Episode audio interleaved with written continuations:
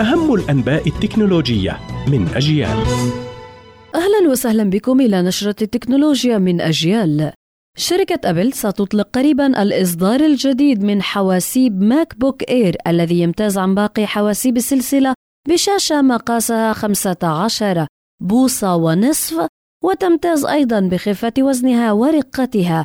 ومن المتوقع أن تطلق أبل الإصدار الجديد من ماك بوك إير خلال ربيع 2023 خدمة التراسل الفوري واتساب تختبر ميزة جديدة تتيح للمستخدمين مشاركة ما يصل إلى 100 صورة وفيديو ضمن الدردشة وخيارا لإدارة جودة الصور والمشاركة.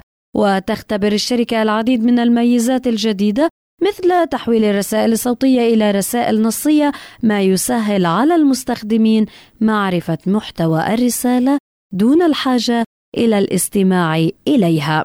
هيئة الرقابة وحماية حقوق المستهلك في روسيا تعلن تشغيل منظومة إلكترونية مطورة محليا لمراقبة المحتوى المحظور على الإنترنت وقالت إنه بدأ في يناير الماضي دمج أنظمة المراقبة في الإنترنت بروسيا للمساعدة على أتمتة وتسريع مراقبة المحتوى المرئي حيث ستكون قادرة على معاينة أكثر من 200 ألف صورة في اليوم وستعزز إمكانية الكشف عن المحتوى المخالف لقوانين الإنترنت في البلاد.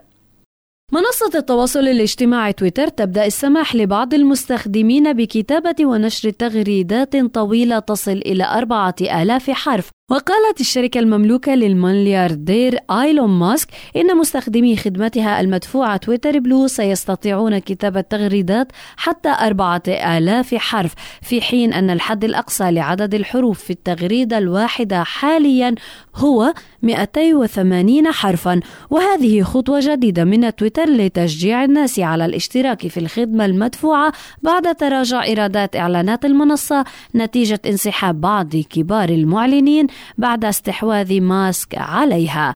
هذا ما كان لدينا في أخبار التكنولوجيا من أجيال. قرأتها عليكم ميسم البرغوثي. إلى اللقاء.